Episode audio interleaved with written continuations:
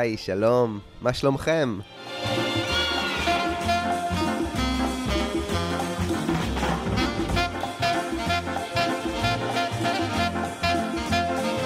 שישים שנה לאלבום הבכורה של הביטלס.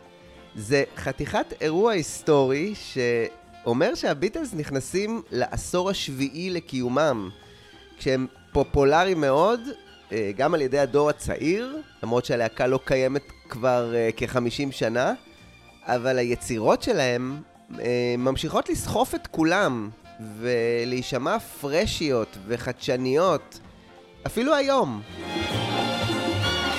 מהצד השני, אנחנו כבר מדברים עליהם במושגי זמן שהם אומנם לא מושגי הזמן של יוצרי המוסיקה הקלאסית הגדולים, אבל בהחלט, 60 שנה הם לא עניין של מה בכך.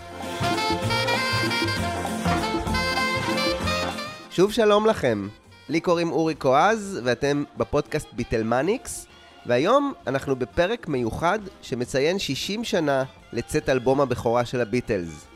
היום נחזור אחורה בזמן לנקודה שבה היצירה הראשונה השלמה שלהם מתגבשת ורואה אור כאלבום שלם, שיש שיאמרו שהוא הכי ספונטני בקריירה שלהם, ואולי הכי לא מגובש על עצמו ונעשה כלאחר יד. אבל אנחנו נראה בפרק הזה שגם מאחורי האלבום הזה הייתה איזושהי מחשבה והיה איזשהו קונספט שרצה ללכוד אה, האחד והיחיד, הלו הוא ג'ורג' מרטין.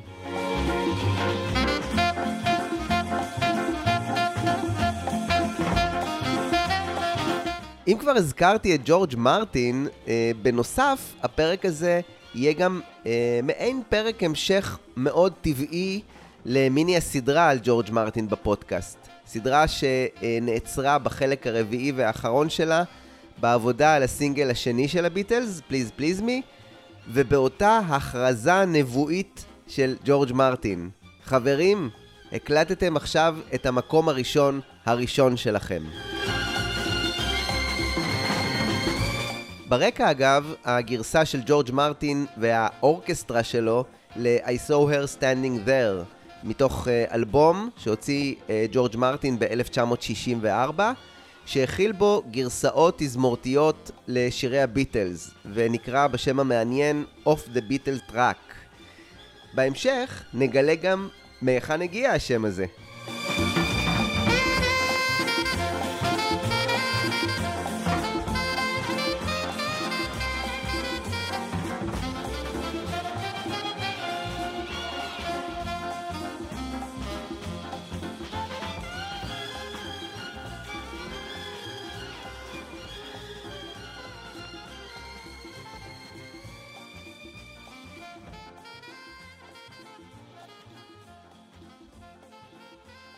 כדי לייצר נקודת פתיחה נאותה לסיפור שלנו בפרק הזה, בואו נחזור קצת אחורה, לסשן הראשון של הביטלס בחברת EMI. מבחינת ה timeline, אנחנו ב-6 ביוני 1962, כחצי שנה לאחר הסשן הכושל בחברת Decca, כשהביטלס, יחד עם פיט בסט כמתופף, אה, התייצבו באולפני EMI, כשהם המומים מגודל האולפנים ומגודל המעמד. בריין הכין רשימה מסודרת של אה, שירים פוטנציאליים להקלטה עבור כל אחד מהם ביום הזה, רשימה שכללה קאברים ושירים מקוריים, אה, ואותה הוא העביר לרון ריצ'רדס, שניהל בפועל את הסשן עבור ג'ורג' מרטין, שלא טרח בכלל להגיע עבור סשן של להקה קיקיונית שכזו מליברפול. השיר הראשון ברשימה של בריין היה בסה ממוצ'ו, ולכן זה הדבר הראשון שהביטלס הקליטו. הדבר הבא היה הקלטה של uh, גרסה חיוורת לשיר מקורי של לנון ומקארטני בשם Love Me Do. אבל משהו בשיר הזה, או בליין המפוחית שג'ון שילב בשיר, הדליק נורה בראשו של אה, נורמן סמית, אחד מטכנאי האולפן שהיו שם, והוא ביקש לקרוא לג'ורג' מרטין לחדר הבקרה. לאחר מכן הוקלטו עוד שני שירים מקוריים, P.S. I Love You ו-Ask Me Why. הסשן הזה הבליט מאוד את אה, בעיית הטיפוף של פיט בסט, ובריאן קיבל המלצה חמה מג'ורג' מרטין לשחרר אותו מהלהקה. היכולות המוסיקליות של הלהקה באופן כללי לא ממש הקסימו את אה, ג'ורג' באותו הסשן, אבל הכריזמה המדבקת וחוש ההומור הנהדר אה, גרמו לו לרצות להמשיך לעבוד איתם. בנוסף, ג'ורג' גם לא ממש האמין בחומרים המקוריים שהביטלס הביאו איתם. אה, למרות ש-Love Me Do היה כרגע הפייבוריט שלו. אבל ג'ורג' מרטין רצה מאוד לנצח את נורי פארמור מהלייבל קולומביה, והוא רצה להיט בטוח. את הלהיט הבטוח שלו הוא מצא בסמטת הטין פן, היכן שכותבי השירים היו ממוקמים, והוא החליט שהביטלס צריכים להקליט כסינגל הראשון שלהם את How Do You Do It, שכתב מיץ' מורי.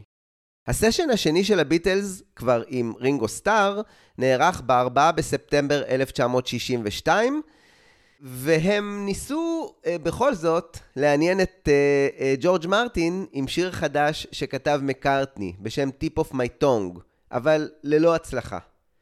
אחר כך הם עשו מעבר על How Do You Do It, אבל בסופו של דבר הם המשיכו ועשו חזרות שוב, על שלושת השירים שהם עבדו עליהם בסשן הקודם, על Love Me Do, P.S. I Love You ועל Ask Me Why. בסשן הזה הם הציגו לג'ורג' מרטין שיר חדש, אה, שיר אה, בלוזי איטי בשם Please Please Me, שהאמת נשמע לג'ורג' מרטין כמו אסון.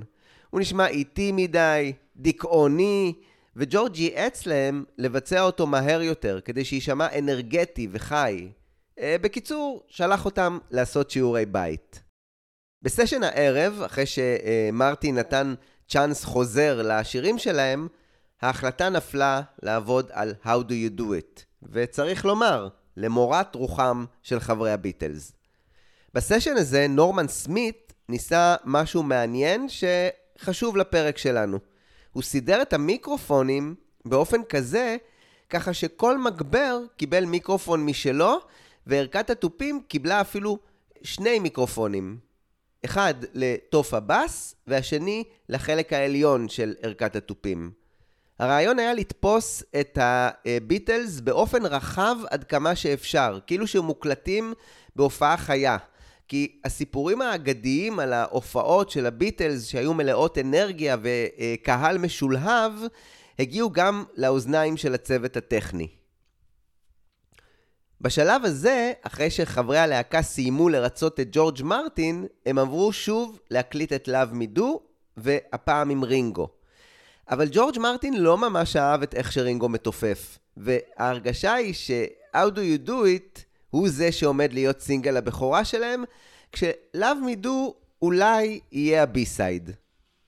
הביטלס ולנון במיוחד, שרצו כל כך שירים מקוריים שלהם בסינגל הראשון שלהם, לא ויתרו ואמרו למרטין שהם מעדיפים שלא יהיה להם חוזה בכלל, מאשר להוציא את הזבל הזה, כמו שהם קראו לו. כדי לסגור את היום הזה, ג'ורג' מרטין אמר להם, אם תכתבו משהו טוב, כמו How do you do it, אז אני אתן לכם להקליט אותו. אחרת, זה השיר שיוצא כסינגל. שני הצדדים הלכו אה, לעשות חושבים, וג'ורג' מרטין הבין שיש לו בעיה עם Ardmore and Beechwood, חברת ה-publishing ש-EMI עבדה איתה.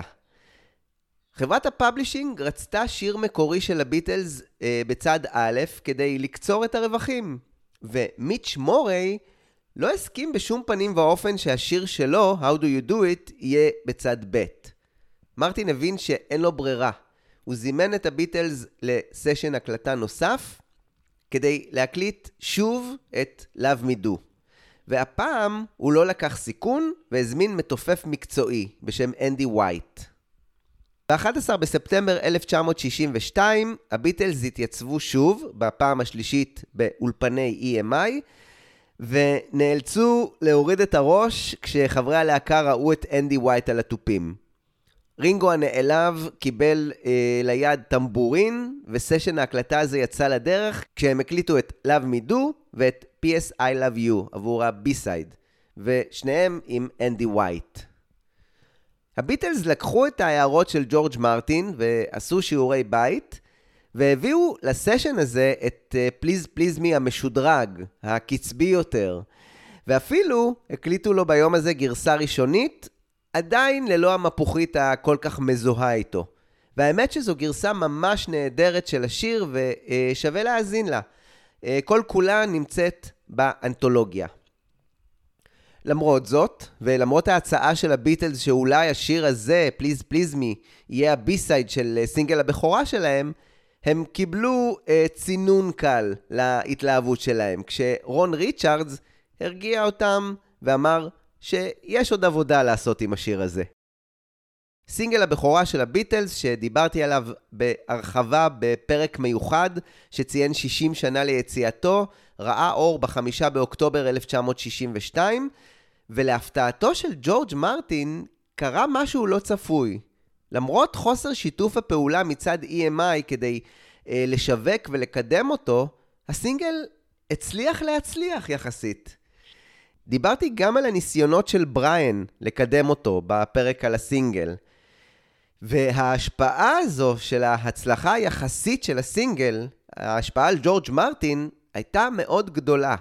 הוא הבין שאם שיר פחות טוב שכזה, כמו Me Do, מצליח לעשות גלים, אז אם הוא יצליח לשכנע אותם הפעם להקליט את How Do You Do It, אז תארו לכם מה יקרה. ג'ורג' מרטין ניסה לסגור עם בריין את סשן ההקלטות הבא עבור הביטלס, עבור הסינגל הבא, והמטרה שלו הייתה להקליט כמה שיותר מהר, כבר בתחילת נובמבר. הוא נוכח לדעת שהפעם הביטלס הם אלה שלא פנויים עבורו, עקב סיבוב הופעות בסטאר קלאב בהמבורג. בלית ברירה, אה, מרטין התפשר על ה-26 בנובמבר. בינתיים, בריאן המשיך להעמיס את היומן של הביטלס בעוד ועוד ועוד הופעות, ובעצם בכל מה שיכול היה לקדם אותם, ואת הסינגל החדש שלהם. ב-27 באוקטובר, בזמן שהם היו בבירקן-הד, הם העניקו את הריאיון הרדיופוני שלהם, אה, בעצם הראשון ever, או לפחות המוקדם ביותר ששרד. הראיון הזה נערך על ידי רדיו קלאטר ברידג' והנה הביטלס מציגים את עצמם לראשונה ברדיו. ושימו לב לכמה דברים. המראיין חושב שהריסון הוא מנהיג הלהקה, כי הוא מנגן על גיטרה מובילה. רינגו מדגיש שזה הוא מנגן בסינגל Me Do, כי הוא המתופף. הם מספרים שהם נוסעים להמבורג, ופול מספר על My Bonnie, הסינגל שהם הקליטו בגרמניה. וג'ון אה, מספר ומוסיף שהם הקליטו שיר נוסף, אבל הוא לא היה טוב מספיק, והם עומדים להקליט אותו שוב. הוא כמובן מתכוון ל-Please Please Me. Well, it's a very great pleasure for us this evening to say hello to an up-and-coming Merseyside group, the Beatles. And I know their names, and I'm going to try and put faces to them. Now, you're John Lennon, aren't Yes, you? that's right. What do you do in the group, John? I play harmonica, rhythm, guitar, and vocal. Mm-hmm. That's what they call it. Harmonica, rhythm, guitar, and vocal. Then there's Paul McCartney, that's Yeah, you. that's me, yeah. And what do you do? play bass guitar and uh, sing, I think. Oh, you know, that's, what they quite say. apart from being vocal. Yeah, well, yes, Yeah. yeah. same thing. Then there's George Harrison. Mm, how do you do? How do you do? What, what's your job? Uh, lead guitar and sort of singing. Mm-hmm. By playing lead guitar, does that mean you're sort of leader of the group, or are you? No, no, just. Well, you see, the other guitars, the rhythm, Yeah. ting, ting, ting. You It's see. solo guitar, you see. John And- is in fact the leader of the group. Yeah, I don't know whether we caught that or not, but uh, I hope it went in. Yeah. And over in the background here, and also in the background of the group, but making a lot of noise, is Ringo Starr. Hello.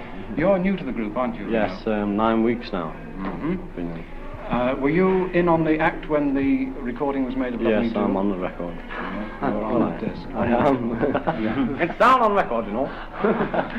Now, um, I'm the drummer. when you say you're going away, that leads us on to another question. Now, where are you going? Germany, Hamburg. hmm Yeah. Now, you have Two weeks. standing enga- engagements over there, haven't you? At, Well, the boys have been there quite a lot, you know, and I've been there with other groups, but this is the first time I've been there with the Beatles.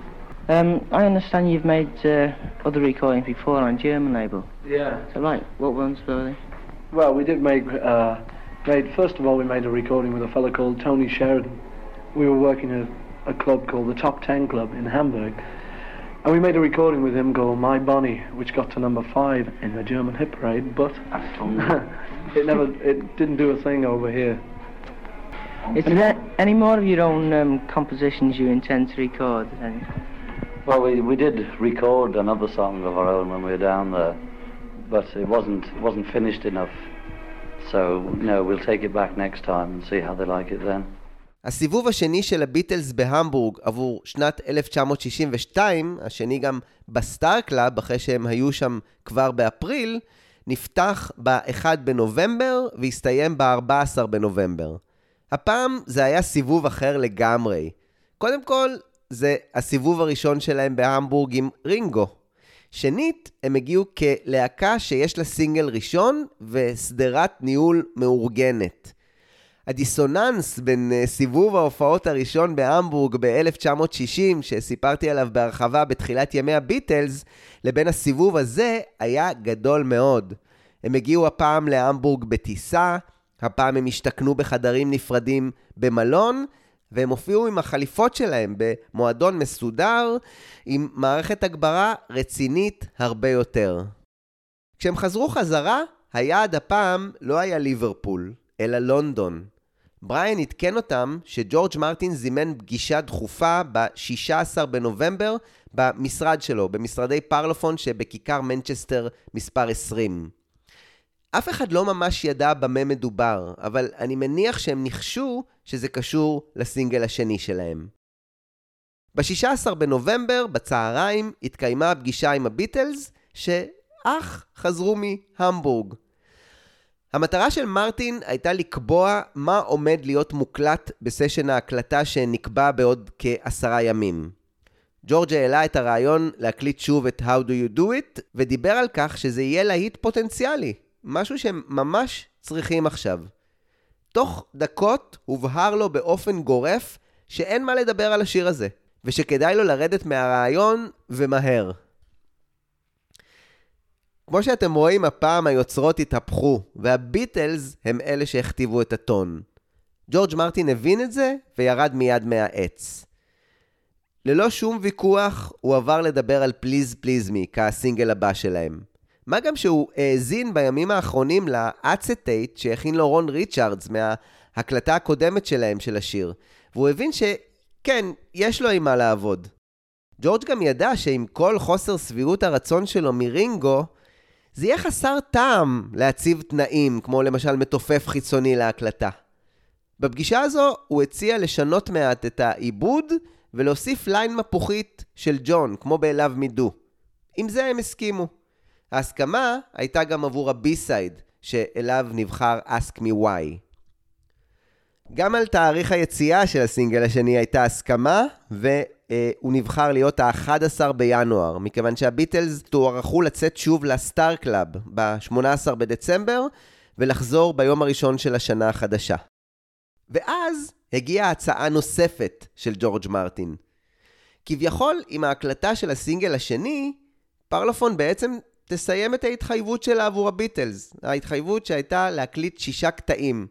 היה את Love Me Do, את uh, P.S. I Love You, Please Please Me, uh, Ask Me Why, וכעיקרון, אם ג'ורג' מרטין היה רוצה, הוא היה יכול לשדך ל-How Do You Do It, שכבר הוקלט, uh, את ה-B-Side, למשל, בסה ממוצ'ו. Uh, ולמען האמת, לסיים את ההתחייבות הראשונית הזו של EMI לבריאן, uh, להקלטה של שישה צדדים. מבחינתו, מרטין יכל לאחר הסשן הבא להיפרד מהם כידידים. מה שג'ורג' הציע עכשיו, הדהים אותם לגמרי. ג'ורג' מרטין דיבר על אלבום. להטביע את המוסיקה שלהם על חתיכת פלסטיק שחור ולהוציא אותו כסינגל, היה ההולי גרייל שלהם. אבל אריך נגן שיכיל 14 שירים שהם יקליטו? זו כבר הליגה של הגדולים באמת. הם לא האמינו למה שהם שמעו. דיון שהתפתח היה על השם עבור האלבום העתידי הזה. פול מקארטני הפרקטי הציע מיד שיקראו לאלבום Off the Beatles Track. יותר מכך, הוא שרטט על דף נייר את העטיפה האומנותית שהייתה לו בראש. משהו שמאוד מזכיר את הרעיון האומנותי עבור העטיפה של With the Beatles, האלבום השני שלהם. ארבעתם בתמונה שבה הם מצולמים מהכתפיים ומעלה, והכותרת של האלבום תהיה אופקית, באמצע העטיפה, עם לוגו חדש שמקארטני שרטט עבור הלהקה.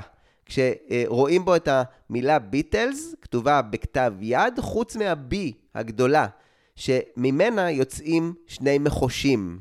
מקורי, תודו.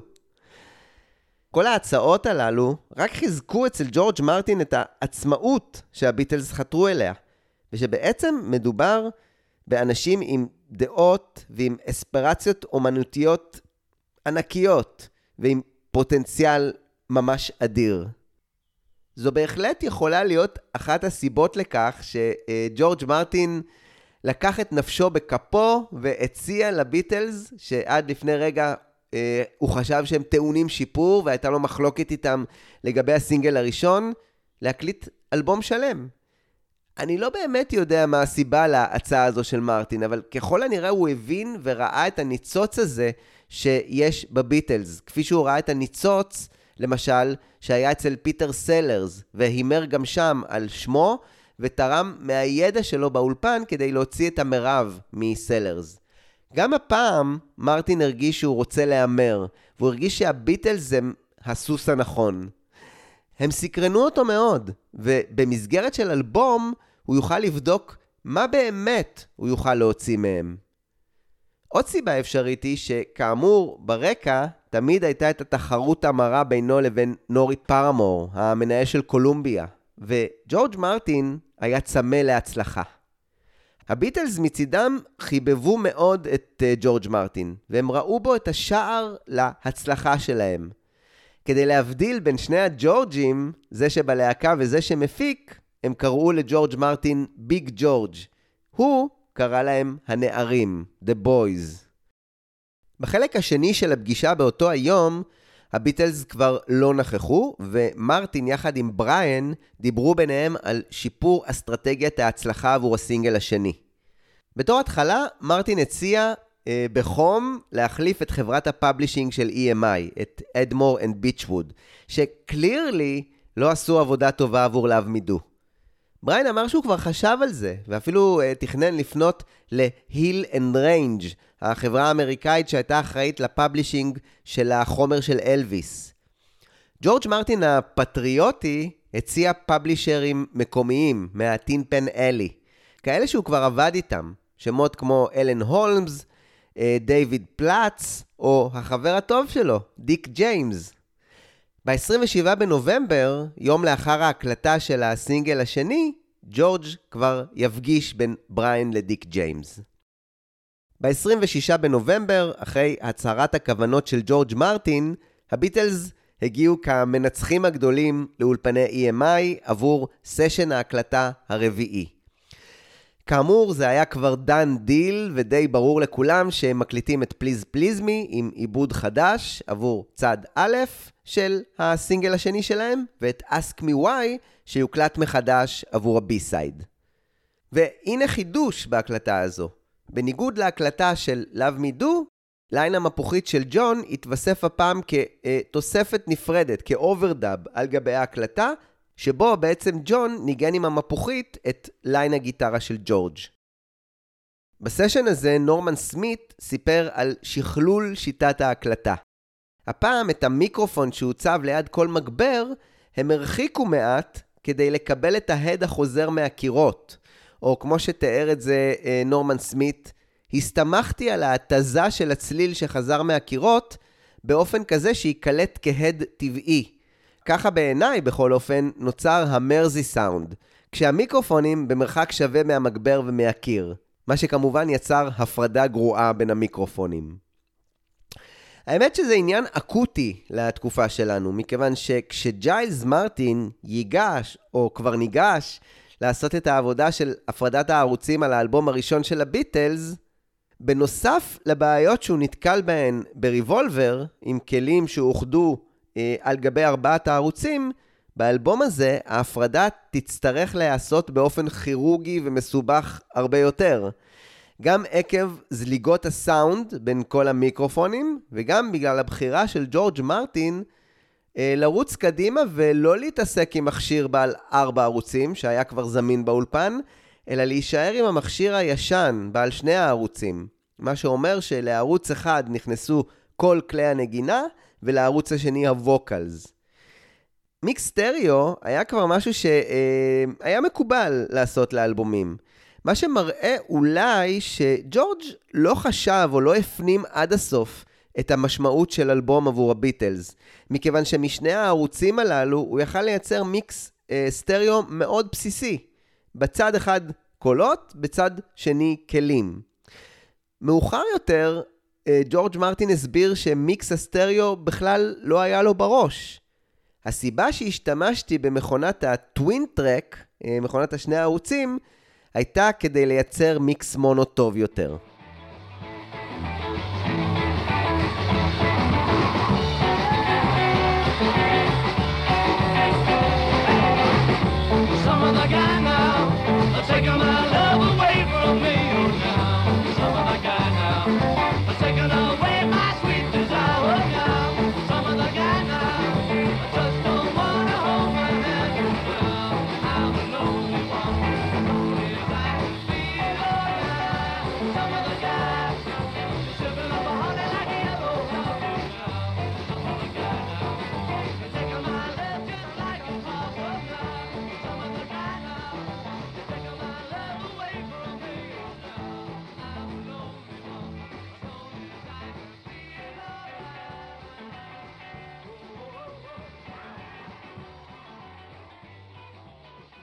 בהפסקה בין ההקלטה בין שני השירים, ג'ורג' מרטין שוחח עם אלן סמית, שכתב עבור ה-NME, והוזמן לסשן ההקלטה הזה.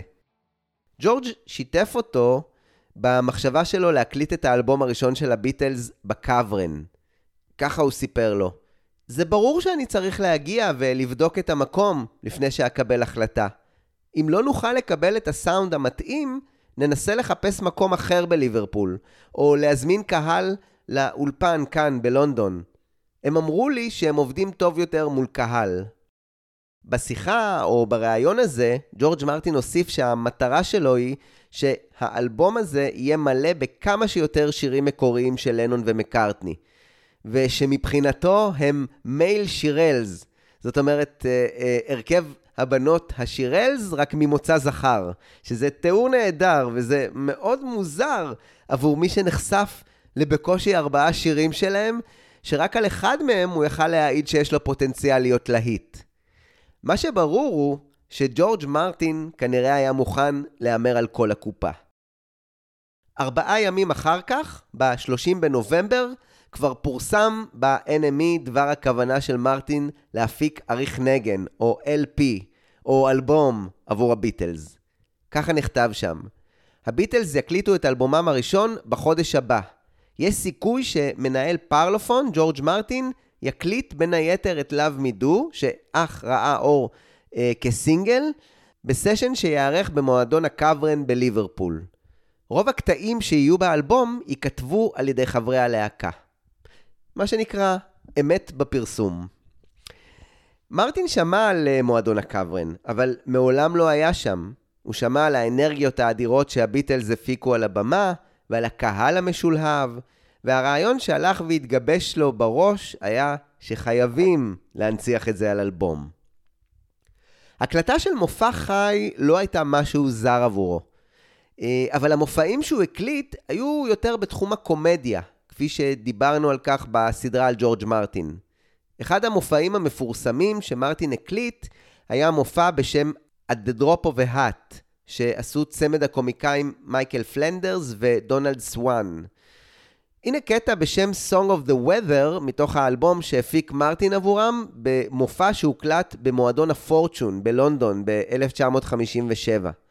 אמנם זו לא אה, הופעה של הרכב רול, אלא צמד קומיקאים, שאחד מהם אה, גם ניגן על הפסנתר, אבל שימו לב למחשבה שמאחורי ההפקה. המאזין מקבל גם את המבצעים במרכז, אבל הוא גם חלק אינטגרלי מהקהל. זאת אומרת, הצחוק וההתלהבות של הקהל הם חלק הכרחי מהמופע עצמו. הם אינסטרומנט הכרחי במופע קומדיה. ואת זה ג'ורג' מרטין השכיל לתפוס. April brings the sweet spring showers, on and on for hours and hours. Farmers fear unkindly May, frost by night and hail by day. June just rains and never stops, 30 days and spoils the crops. In July the sun is hot, is it shining? No, it's not. August cold and dank and wet brings more rain than any yet. אגב, את התמונות על עטיפת האלבום הזה של אה, פלנדרס וסוואן צילם לא אחר מאשר הצלם אנגוס מקבין, שגם עליו אדבר בפרק הזה, כעל מי שצילם את עטיפת האלבום הראשון של הביטלס. ב-12 בדצמבר 1962, ג'ורג' מרטין, יחד עם ג'ודי לוקהארט סמית, המזכירה ובת הזוג שלו, עלו על רכבת לליברפול. כשהם הגיעו, בריין אפשטיין קיבל והזמין אותם לארוחה. כשג'ורג' מרטין הגיע לראשונה למועדון הקוורן, המטרה שלו הייתה לבדוק האם ההקלטה של הביטלס על הבמה שם תהיה משהו ישים מבחינה טכנית. מרטין בדק את האקוסטיקה של המקום בזמן שהמועדון היה ריק. כשהוא הסתובב שם לעיניו המשתאות של אה, בוב וולר, הדי-ג'יי. ואז הוא החל למחוא כפיים כדי להבין עד כמה הד יש במקום. מהר מאוד, מסקנה אחת ברורה התקבלה. זה לא מקום טוב להקלטה. ככה סיפר ג'ורג' מרטין. הקוורן היה מקום איום לעשות את זה. זו לא הייתה סביבה אקוסטית טובה למדי, ולא סביבה נוחה להקלטה. הסיבוב הזה של ג'ורג' מרטין בליברפול לא היה לשווא. בערב, רגע לפני שיגיע לראשונה בחייו לקאברן להופעה של הביטלס, בריין לקח אותו לסיבוב בעיר והכיר לו את הסצנה המוסיקלית. בריין חשב לגמרי ביזנס.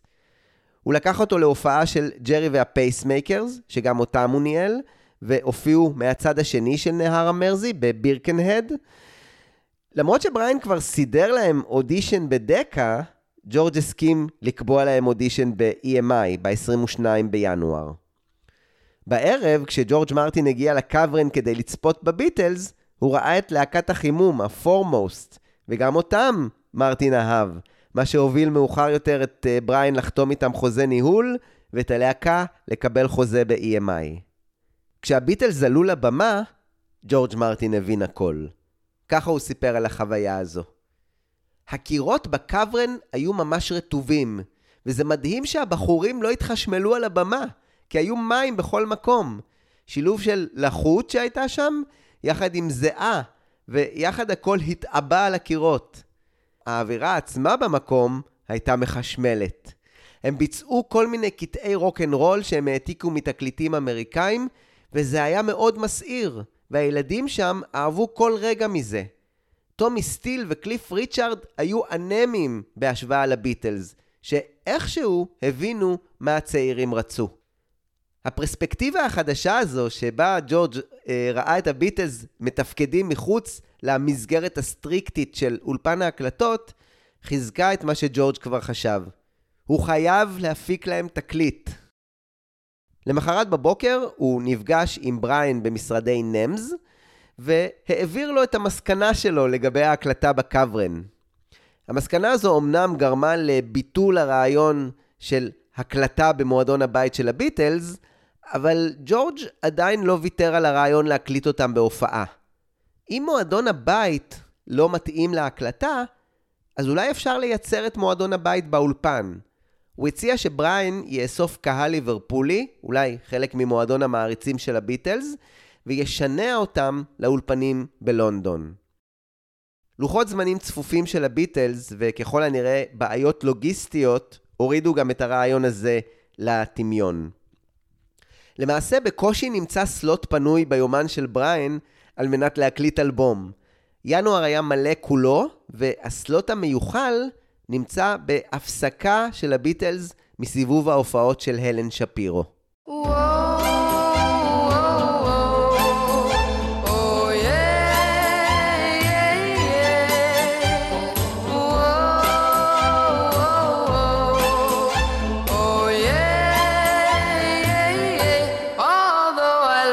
הלן שפירו הצעירה, בת ה-16, בת למשפחה יהודית, נחשבה בנקודת הזמן הזו לזמרת המצליחה ביותר בבריטניה. היא החלה את הקריירה שלה שנתיים קודם לכן, כשג'ון שרודר, איש ה-A&R והעוזר של נורי פרמור בקולומביה, אה, גילה אותה כשראה אותה שרה בבית הספר. הוא המליץ לחברת EMI להחתים אותה, וב-1961 גם כתב לה את סינגל הבכורה שלה, Walking Back to Happiness, סינגל שהגיע למקום השלישי במצעד הבריטי. הסינגל הבא שלה, You Don't Know, כבר הגיע למקום הראשון ומכר כמיליון עותקים. ההימור של שרודר בהחלט היה נכון. שנה אחר כך, כשהיא בת 15, שפירו כבר הופיעה בתפקיד עצמה בסרט בשם It's Tread Dead, סרט שביים ריצ'רד לסטר. כן, כן, אותו במאי שיביים שנתיים אחר כך את סרט הבכורה של הביטלס. הסרט הזה בעצם נחשב לאב הקדמון של הסרט של הביטלס, כי כמו בסרט של הביטלס, לסטר בעצם הנציח תופעה מוסיקלית, או את טרנד הג'אז שהצעירים התחברו אליו, והמבוגרים לא ממש.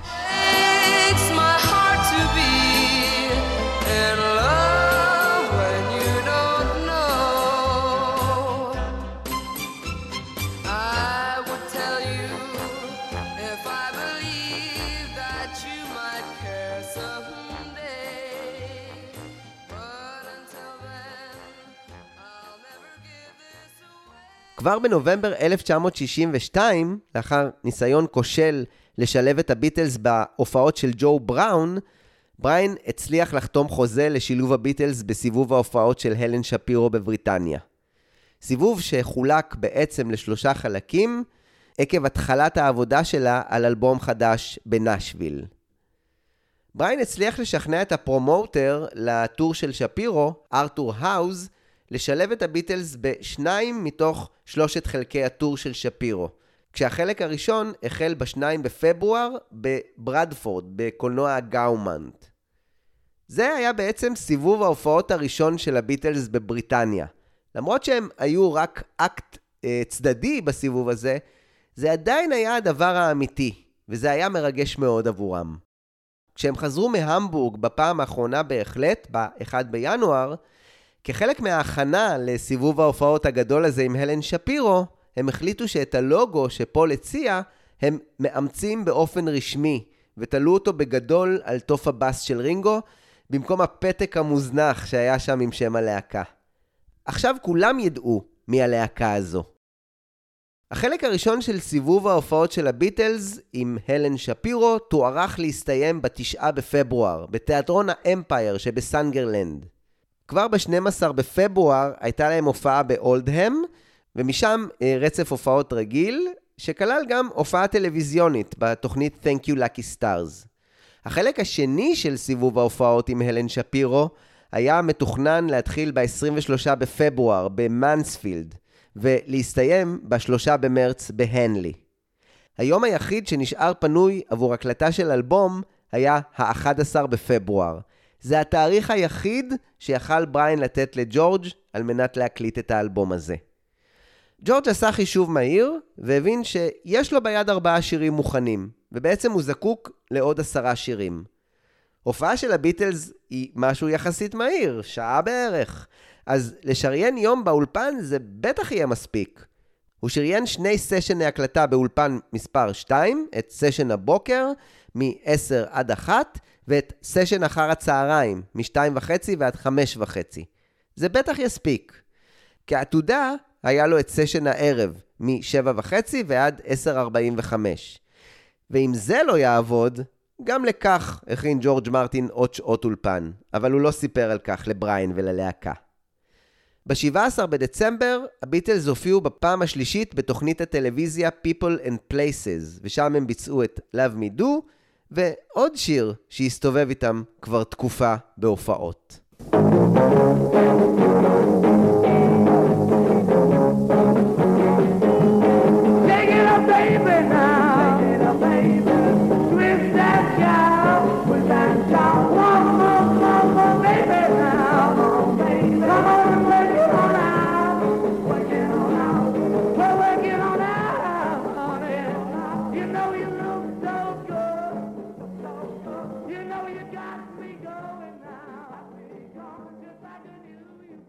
ב-18 בדצמבר 1962, הביטלס המריאו לסיבוב ההופעות האחרון שלהם בהמבורג, וחזרו ממנו, כאמור, ב-1 בינואר 1963, הישר לסיבוב הופעות קטן בסקוטלנד.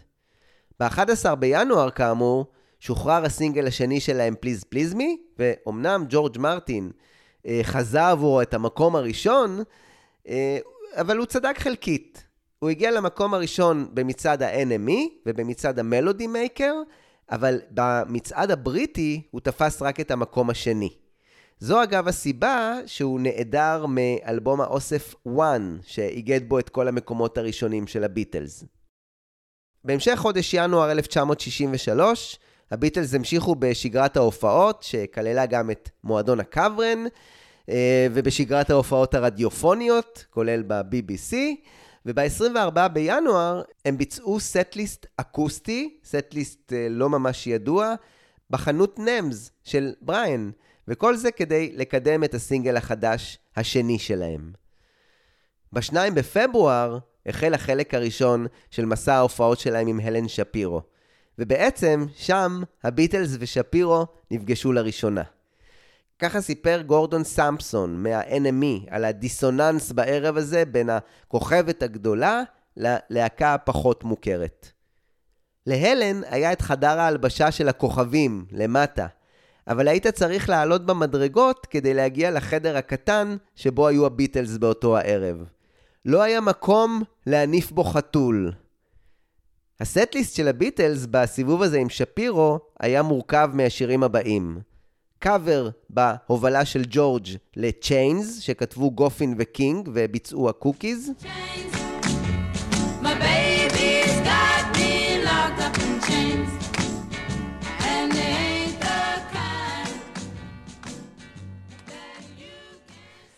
לנון, שהוביל את הקאבר ל-Keep Your Hands Off My Baby, אה, גם יצירה של גופין וקינג, בביצוע של ליטל איווה.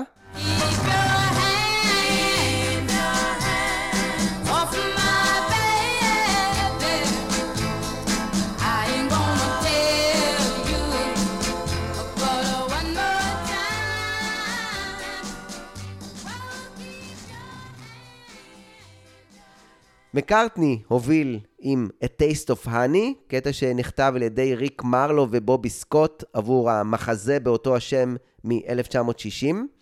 הקטע הזה ליווה את הביטלס בהופעות אה, בסך הכל מאז 1962, מאז שלני וולץ' האמריקאי עשה לקטע הזה חידוש פופי בשנה הזו, ונתן גושפנקה לביצוע של השיר הזה על ידי מקארטני, שגם ככה מאוד חיבב את הז'אנר הזה של מיוזיקלס, וגם את השונות בביצוע עבור להקת רוק של קטע שכזה.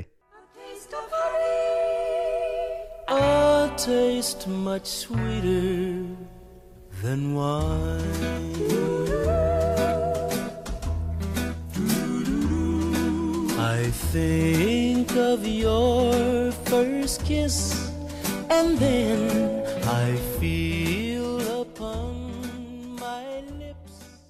היו הופעות בסיבוב הזה של הלן שפירו, שבהן מקארטני ביצע את ביוטיפול דרימר, שהיה מבוסס על קטע עתיק יומין, שבעבר הקליט גם בינג קרוסבי ב-1940.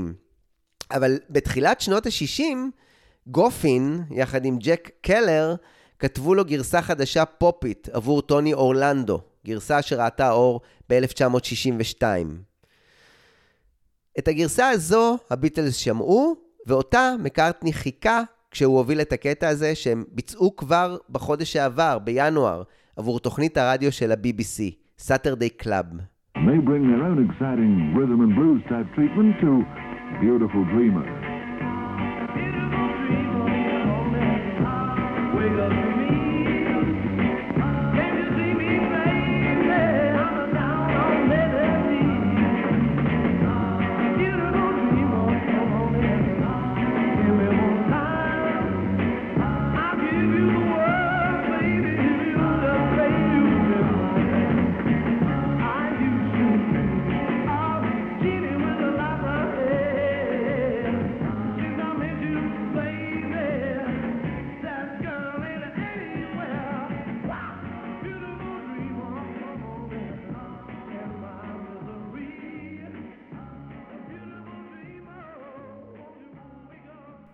כדי לסגור את הסט הקצר של ארבעת השירים שהם התבקשו לבצע בכל הופעה בטור של הלן שפירו, הביטלס ביצעו את הסינגל החדש שלהם פליז פליז מי, ולפעמים החליפו אותו Me Do.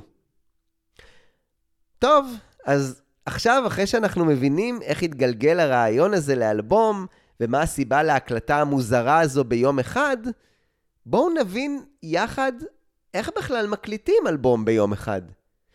אני יכול לומר לכם שאת הפרק הזה, שאתם מאזינים לו כרגע, לקח לי אולי לגבש קצת יותר מהקלטות של אלבום הבכורה של הביטלס.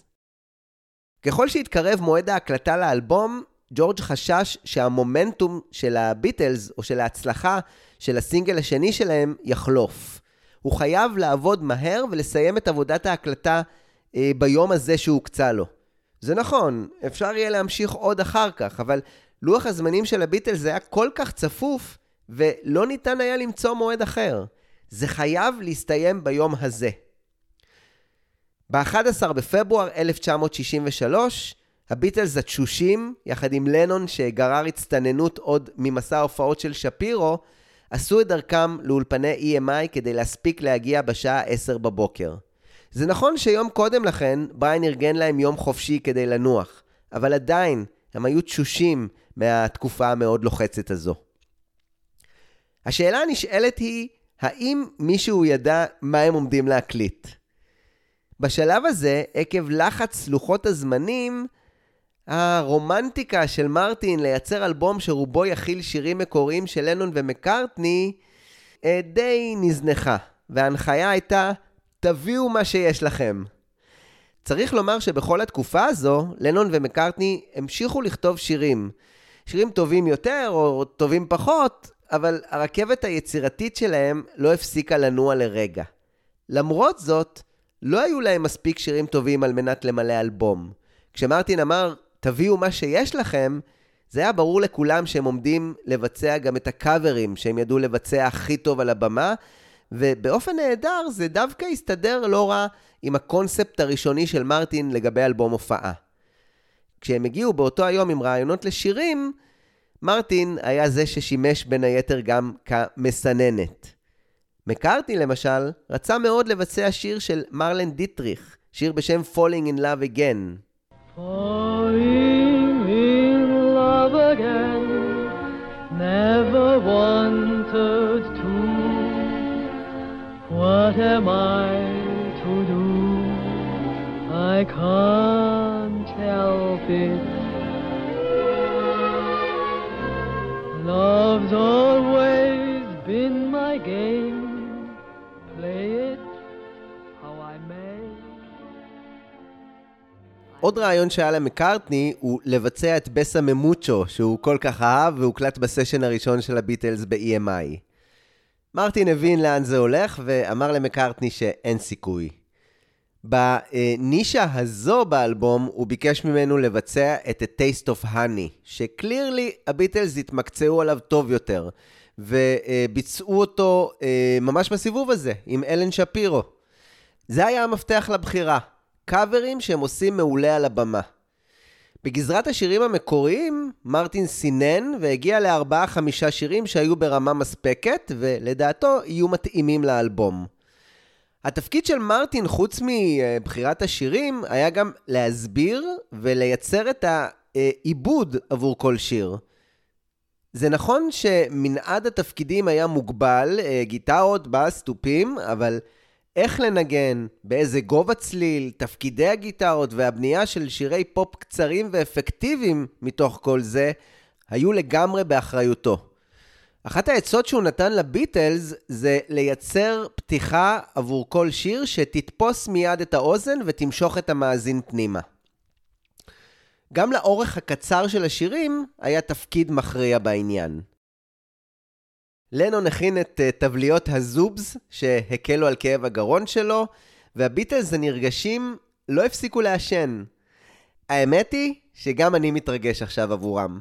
עוד רגעים ספורים הם עומדים להתחיל לעבוד על אלבום הבכורה שלהם.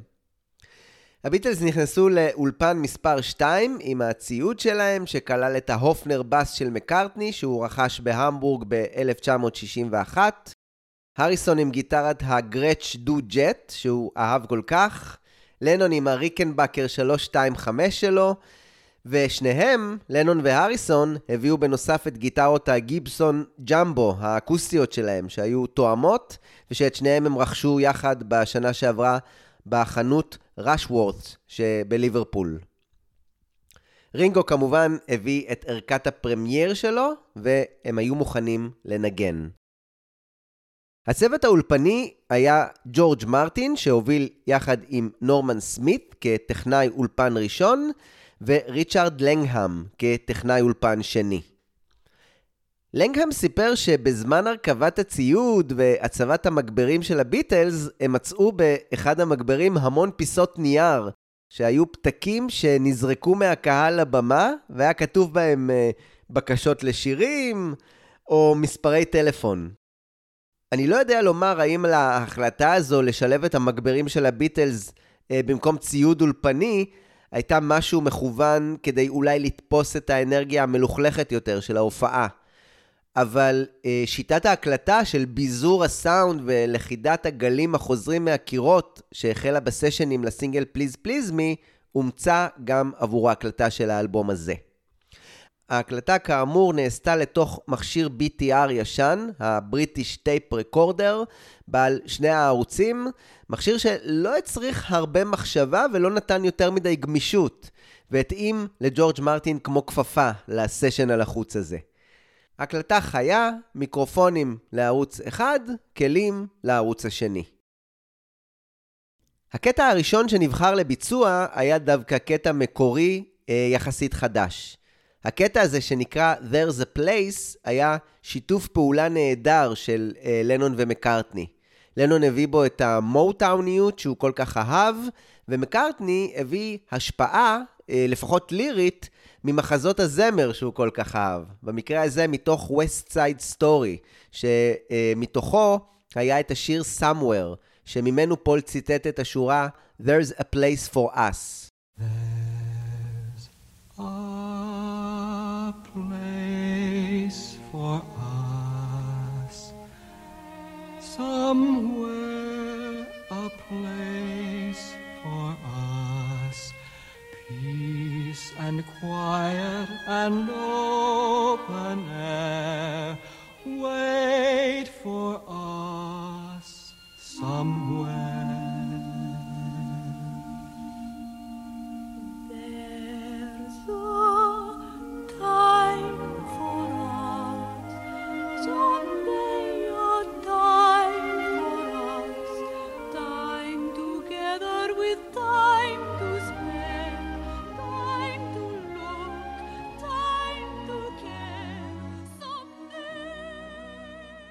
באופן נהדר, השיר המוקדם הזה של לנון ומקארטני לקח את הרעיון אה, מהמחזמר של מקום שלב שמחכה לזוג האוהבים, או לרומאו ויוליה המודרניים הללו במחזמר ובסרט הנהדר שראה אור ב-1961, ובעצם באופן מאוד פילוסופי אמר שהמקום הזה, המקום השלב והרגוע הזה, הוא בראש שלנו. התוצאה הסופית היא דווקא שיר עגמומי יחסית לטעמי, ואחד היפים של הביטלס מהתקופה המוקדמת. זהו זה, הכל מוכן לתחילת ההקלטה. התאריך הוא ה-11 בפברואר 1963, השעה היא בסביבות 10 וחצי. מתחילים.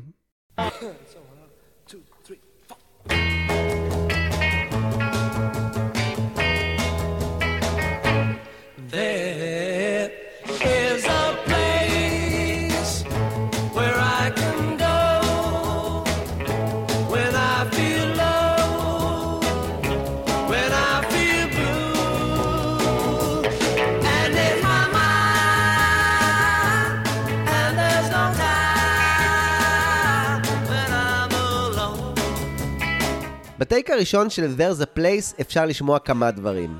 א', את הקול הנרגש של ג'ון ופול, ב', שהביטלס הגיעו יחסית מוכנים והם מבצעים את הטייק הזה בשלמותו, בלי לטעות, ג', העיבוד די דומה לתוצאה הסופית, אבל אין את ליין המפוחית.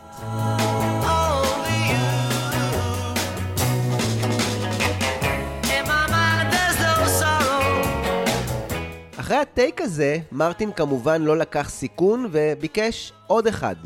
הטייק השני בוצע גם הוא בשלמותו, כמו הטייק הקודם, אבל מרטין התעקש על טייק נוסף, שבו הם כבר התבלבלו והפסיקו ממש בהתחלה. Take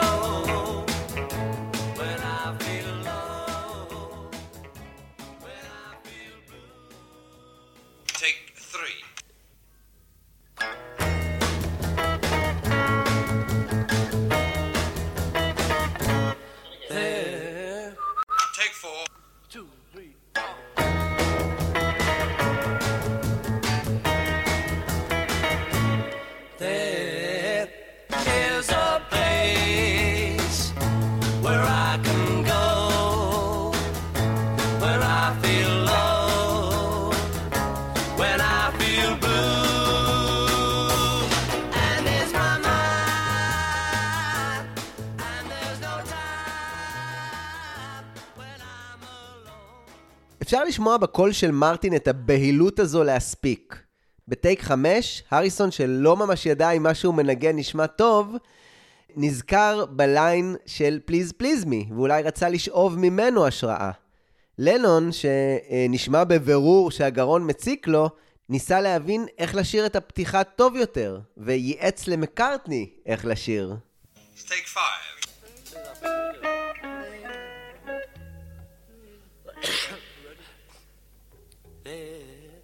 If you count, if you go, yeah, yeah, yeah, it works better if you do it on the beat somehow. You know, think the beat in your head. One, two, three.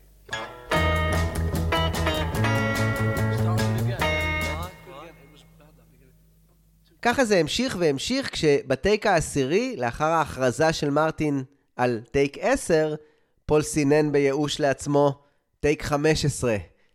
אולי ככה זה הרגיש לו. 10,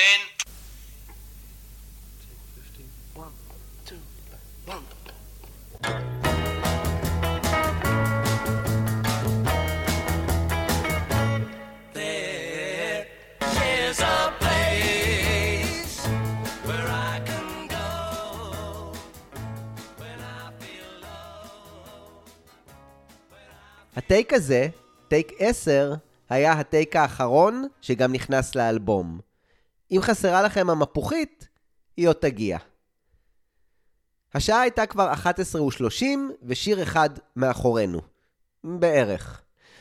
הקטע הבא היה גם הוא קטע מקורי של לנון ומקארטני, שנקרא בשלב הזה 17, או כמו שכולנו מכירים אותו כ-I saw her standing there. קטע שנכתב בסוף 1962, ובו מקארטני ניסה ללכוד את הרוקנרול של צ'אק ברי, כשהוא לווה את line הבאס של I'm talking about you, וקצת מהמילים של Little Queenie, גם של ברי, שבו היה המשפט She's too cute to be a minute over 17. מקארטני כתב במקור She was just 17, she'd never been a beauty queen. כשהרעיון הזה אה, הגיע אליו, הם היו בבית של רורי סטורם, מכיוון שבתקופה הזו פול יצא עם אחותו, אייריס. ובאופן כללי, אה, אה, רורי ופול היו חברים טובים. רורי, שראה את השורות הללו נכתבות לנגד עיניו, רצה את השיר לרפרטואר ההופעות של ההוריקנים. לא ברור אם זה באמת הגיע להופעות שלהם, אבל כבר בשיר הזה אפשר לראות את הדואליות של מקארטני. מצד אחד רוקנרול, מצד שני הוא ניסה להכניס באופן נהדר שורה ספרותית. The way she looked was way beyond compare. על השיר הזה הוא המשיך לעבוד יחד עם ג'ון בבית שלו, ברחוב פורטלין 20, ויחד הם שכללו והחליפו את הליריקות, ויש תמונה פשוט נהדרת שצילם מייק מקארטני, האח הצעיר של פול, של השניים יושבים עם הגיטרות שלהם ועובדים על השיר בבית של פול. השיר הזה בוצע על הבמות בתקופה הזו של סוף 1962, ובהקלטה מתוך מועדון הקוורן אפשר לשמוע שהעיבוד הראשוני של השיר היה קצת יותר רגוע, וגם עבורו, אה, לפחות בשלב המוקדם הזה, לנון בחן תוספת מפוחית בהשפעה של הסינגל Love Me Do, כי נוסחה מנצחת הרי לא משנים. Well,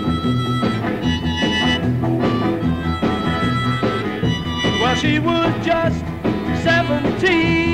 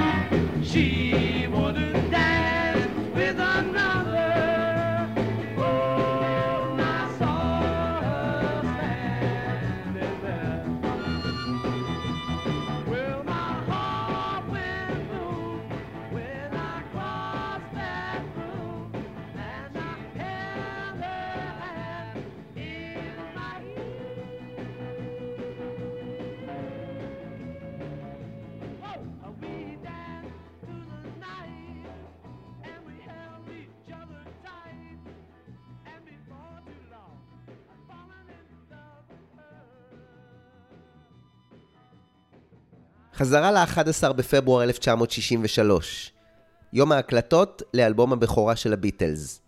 ככה נשמע הטייק הראשון, המושלם, שנשמע זהה לגמרי לגרסה שנכנסה לאלבום. מהסיבה הפשוטה, זה הטייק שנכנס לאלבום.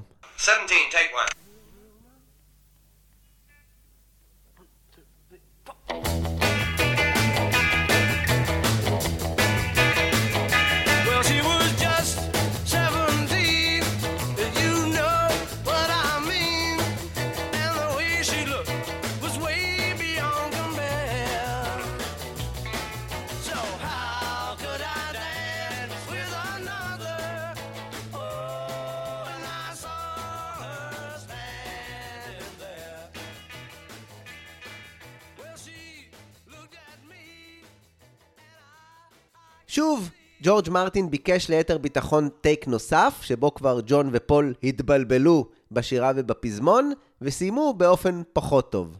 Okay, go on. Here we go. Take two. I got one, two, three, four.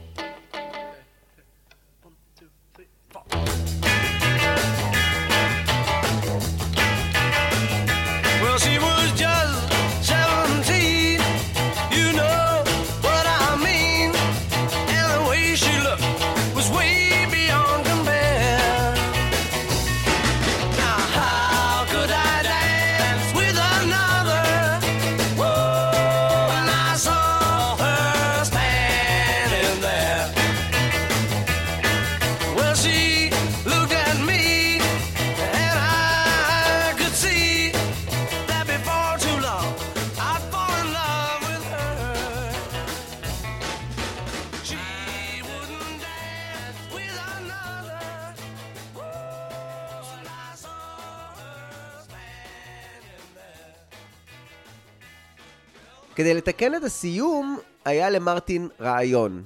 להקליט בטייק 3 רק את קטע הסיום, או כמו שהוא קרא לזה, טייק שהוא אדיט פיס.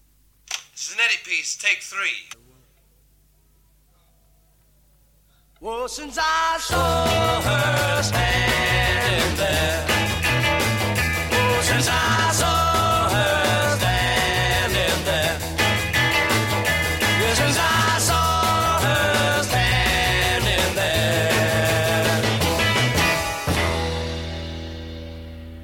לאחר מכן הם הקליטו עוד אדיט פיס עבור אמצע השיר, שכלל את הסולו של הריסון.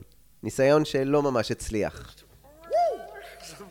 Another edit piece, uh, take, same edit piece rather, take five. Come on then. Okay. One, two, three, four, one. Whoa, since I saw her standing there.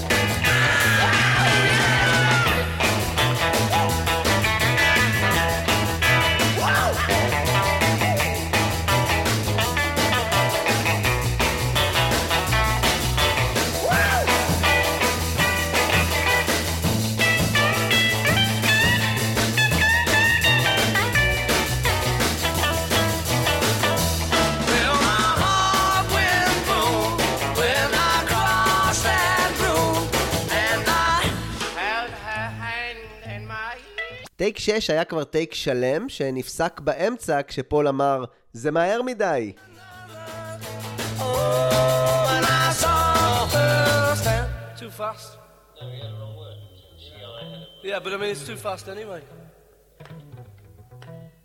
בטייק 7 ו-8 כבר ניכר הייאוש, אבל מרטין המשיך להאיץ בהם. הפעם זה היה רינגו שטעה, ובתחילת טייק 9 פול היה כבר עצבני,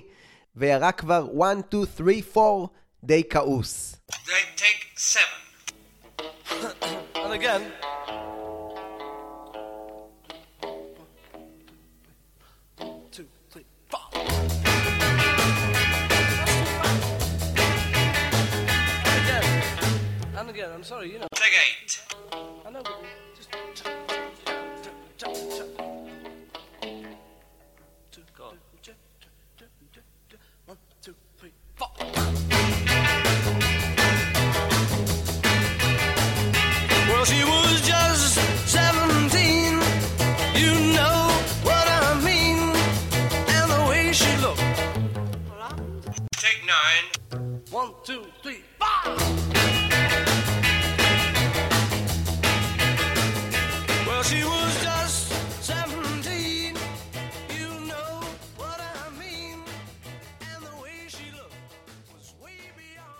הטייק הזה אומנם הושלם, אבל אחרי כל הניסיונות המפרכים הללו, ג'ורג' מרטין הבין שהטייק הראשון שהם עשו בעצם היה מושלם, ושהביטלס לא הצליחו להתעלות עליו.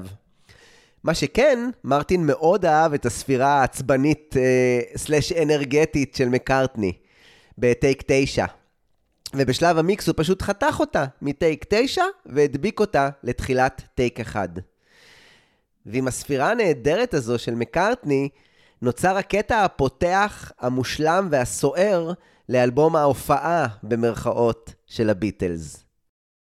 אחרי העבודה על שני השירים הראשונים עבור האלבום, החישוב שלי אומר שנשארו עוד שמונה שירים להקליט. הבעיה הייתה שהשעה הייתה כבר אחת בצהריים, וסשן הבוקר הסתיים, וזמן הפסקת הצהריים הגיע. הטכנאי השני, ריצ'רד לנגהם, סיפר שהצוות הטכני, יחד עם ג'ורג' מרטין, יצאו החוצה לפאב בשם Heroes of Alma, כדי לאכול את ארוחת הצהריים שלהם, אבל הביטלס סרבו לצאת להפסקה. הם הבינו שההתקדמות שלהם מאוד איטית, והעדיפו להישאר ולהמשיך ולנגן ולעשות חזרות. אף פעם לא ראינו להקה שעובדת בזמן הפסקת הצהריים שלה, ככה סיפר אלדהם. אם הדברים הלכו לאט עם השירים המקוריים שלהם, הביטלס העדיפו לתקוף עכשיו קאבר. בשתיים וחצי לאחר תום הפסקת הצהריים, נעשו חמישה טייקים ל-A Taste of Honey, אותו קטע שדיברתי עליו קודם, והיה חלק ממחזה באותו השם, וראה אור גם כסינגל של לני וולץ', האמריקאי. עבור בריין אפשטיין וג'ורג' מרטין הייתה עוד כוונה נסתרת, או אסטרטגיית שיווק בהכנסה של שיר שכזה לאלבום הראשון של הביטלס. אולי ככה הביטלס יוכלו להתחבב גם על הקהל המבוגר יותר, או על ההורים. תוך חמישה טייקים היה להם את זה ביד, ועם ההרגשה הטובה הזו של הקלטה מהירה, הם עברו לשיר המקורי השלישי שלהם.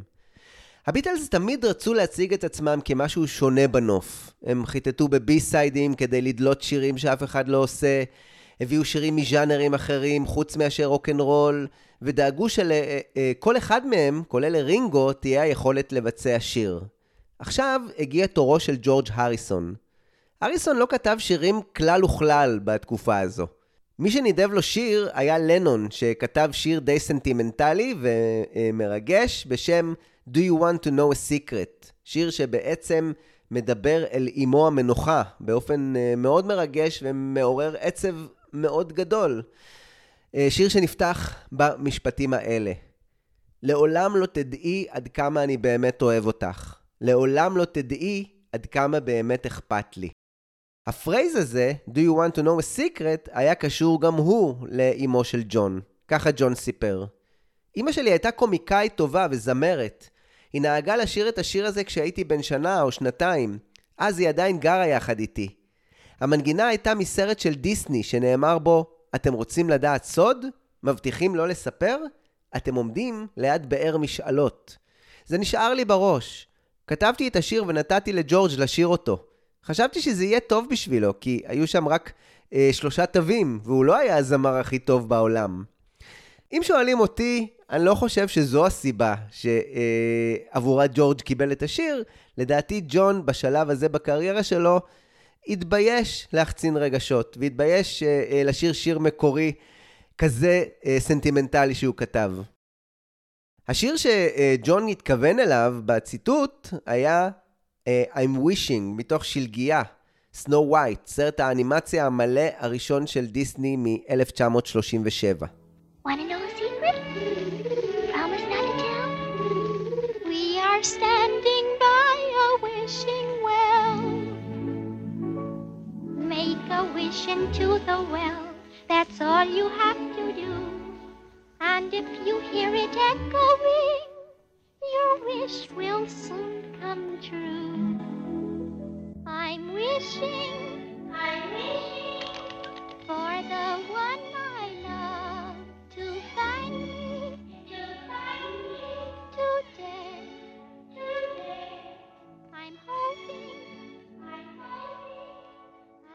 I'm dreaming of the nice things, the nice things you say. השיר הזה, Do You Want to Know a Secret, נכתב גם הוא לקראת סוף 1962, ואת הלחן היורד בבתים, לנון השאיל מקטע הדו-וופ I Really Love You של הרכב אמריקאי בשם The Stereos. Nobody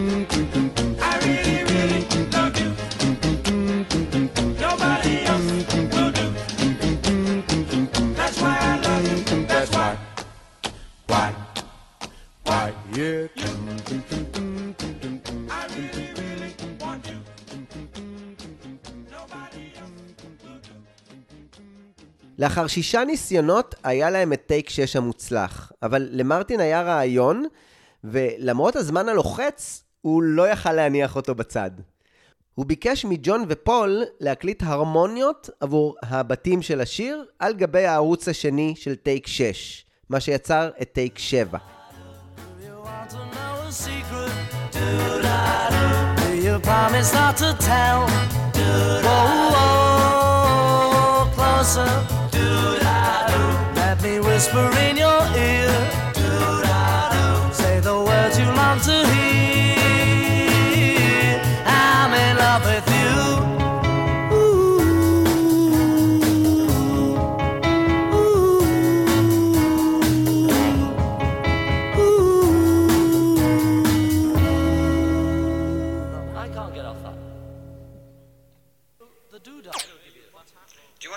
Track two, take eight. Make it Well, valley. aren't we, we're not doing the first verse. Should we just do it on the second verse, like we said? Yeah. Hello? Should we just do it on the second verse, like we said? And last. Okay, so we wait. You just do that. You don't we keep בטייק 8 התבקש רינגו להוסיף עוד נקישות תופים בברידג'.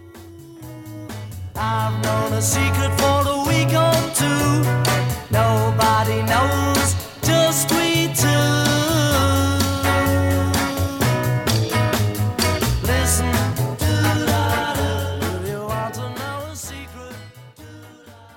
מאוחר יותר בשלב המיקס, נורמן סמית השתמש בפייד אאוט עבור השיר, כדי להחביא את האקורד הסוגר שהריסון השתמש בו, שלדעתו של מרטין היה שונה וצורם מדי. עוד שיר אחד מאחורינו, והשעה היא כבר כמעט ארבע אחר הצהריים. ג'ורג' מרטין שקיבל תיאבון מהתוספות ל-Do You Want to Know a Secret, חזר באומץ אחורה וביקש מפול להקליט עוד קולות על גבי הערוץ השני של A Taste of Honey, כדי להכפיל ולעבות אה, קטעי שירה בשיר. בזמן שפול הקליט, האחרים יצאו להפסקה קצרה. Taste of honey. Track two, take seven. A taste of honey, tasting much sweeter than wine. Do do do, do do do. I dream of your first kiss, and then I feel upon my lips again. A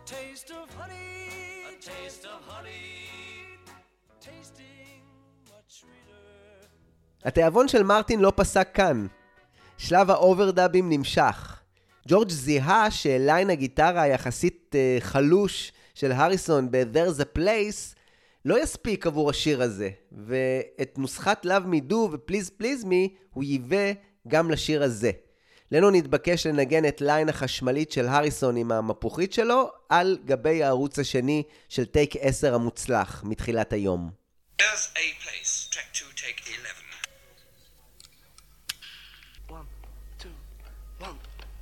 Bye.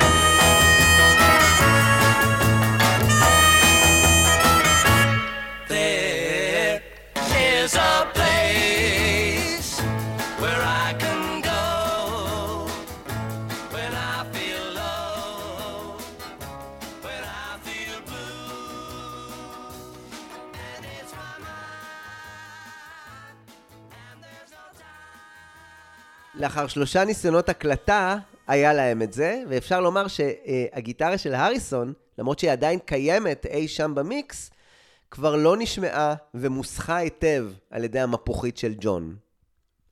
בזמן שנותר עד השעה חמש אחר הצהריים, ניצל אה, ג'ורג' מרטין ל overdub אחד אחרון. מחיאות כפיים על גבי 17, או I saw her standing there. Echoed claps at me. 17, track 2, take 11.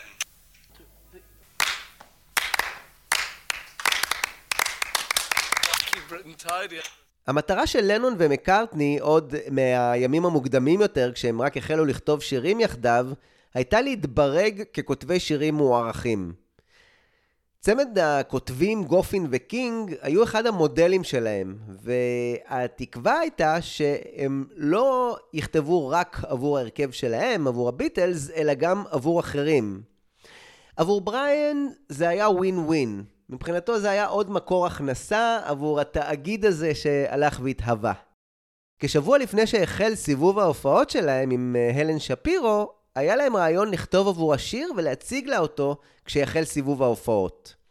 הכתיבה הייתה מונחית מראש אה, על פי סוג הקול של שפירו, ולפי מה שהם חשבו שיהיה style מתאים עבורה. כתיבת השיר Misery מתוארכת ל-26 בינואר 1963. אה, מאחורי הקלעים של הופעה שנייה עבור הביטלס אה, באותו הערב, שהתרחשה בעיירה סטוק און טרנט, דרומית למנצ'סטר.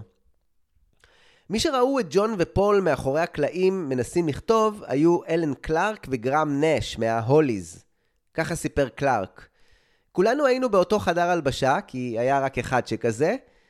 אה, החלפנו דברי נימוסים, כמו מה שלומכם ואיזה שירים אתם מבצעים, ואני זוכר שג'ון ופול הוציאו את הגיטרות שלהם והחלו לפרוט עליהן כאילו שהם כותבים שיר. בואו תעזרו לנו לכתוב, הם אמרו. אז גרם ואני עזרנו, והכנסנו איזו מילה פה ושם. שום דבר דרסטי. והם אמרו, תודה על זה. אני עדיין ממתין לחוזה שלא הגיע. השיר הזה נקרא Misery. אז את השיר הזה סיימו לנון ומקארטני בביתו של פול בסוף חודש ינואר, וכשהחל סיבוב ההופעות עם הלן שפירו, פול היה זה שהתנדב להציג את השיר למנהל שלה, שהיה לא אחר מאשר נורי פרמור.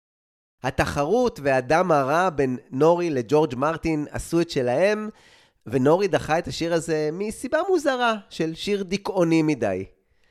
מי שכן הביע עניין בשיר הזה היה בחור בשם קני לינץ', שהיה חתום בלייבל HMV של EMI, והופיע גם הוא במסע ההופעות של הלן שפירו. הוא ביקש להקליט את מיזרי. לנון ומקארטני עשו את המודיפיקציות הנדרשות ללשון זכר, ולינץ' הקליט אותו. הסינגל של לינץ' עם מיזרי כאי-סייד השתחרר ממש כמה ימים לפני יציאת אלבום הבכורה של הביטלס, והיה המוצר הראשון, או השיר הראשון, שהשתחרר, אה, שלנון ומקארטני נתנו לאומן אחר. I'm the kind of guy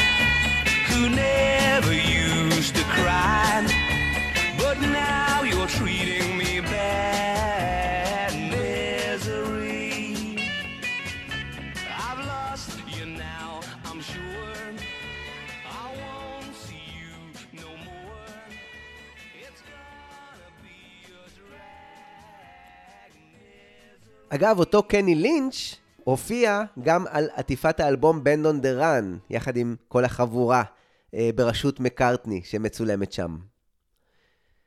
ב-11 בפברואר 1963, ביום ההקלטות לאלבום הבכורה של הביטלס, כנראה שגם ג'ורג' מרטין חשב שזה שיר טוב, שהביטלס יכולים אה, להכניס לאלבום שלהם. בשעה חמש אחר הצהריים, הביטלס, שמאחוריהם היו רק ארבעה שירים מוקלטים עבור היום הזה, ועוד אה, שישה שנותרו להקליט, החלו לעבוד על מיזרי. Misery, take one. The world is treating me bad. Misery.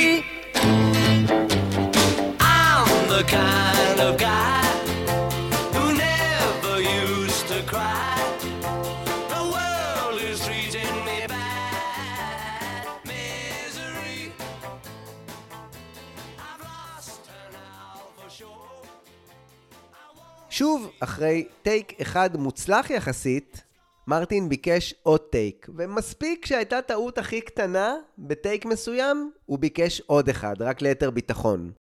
בטייק השני למיזרי, זה היה הפעם ג'ורג' הריסון שפישל וקיבל על הראש ממרטין.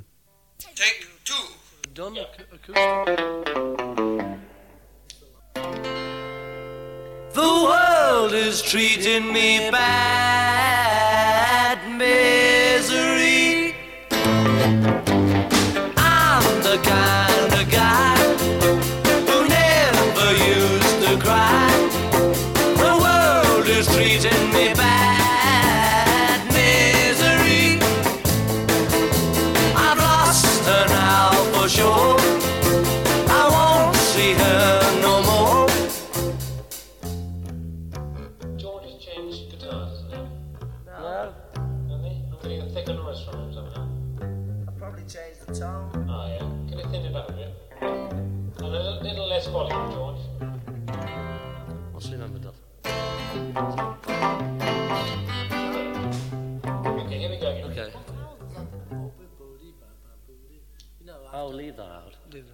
משם הם המשיכו עם רצף של שלושה טייקים כושלים, אבל ככה נשמעת להקה באובססיה. להקה שהיא בוגרת המבורג 1960 ו-1961, שמתאווה מאוד להקליט אלבום ראשון. להקה שחייבת להשלים את העבודה כפי שנקבע, כדי שחלילה מישהו לא יתחרט ויראה להם את הדלת החוצה. ככה נשמע גם מפיק שלא מוותר להם, ויודע שהם ישיגו את המטרה בסופו של דבר. טעות אחר טעות, טייק רודף טייק, אבל הם ממשיכים עם הראש בקיר עד שהקיר יישבר. The world is treating me bad, misery. I'm the kind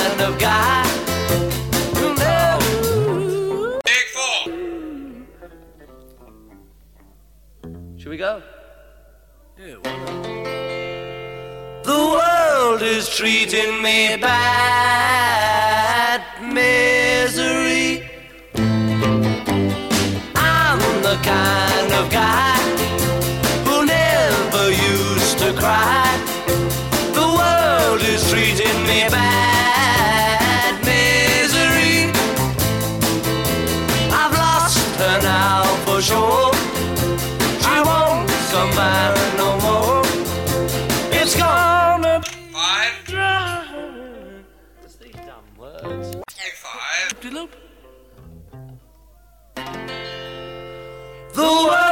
is treating me bad, misery.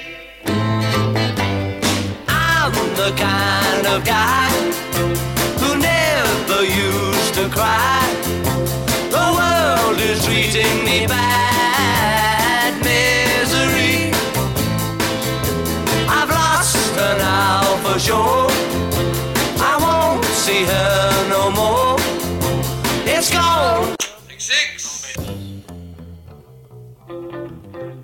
I want.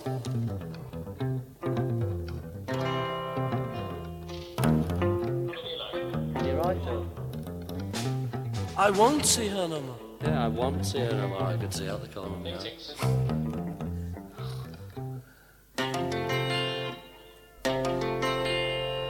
The world is treating me bad. Misery.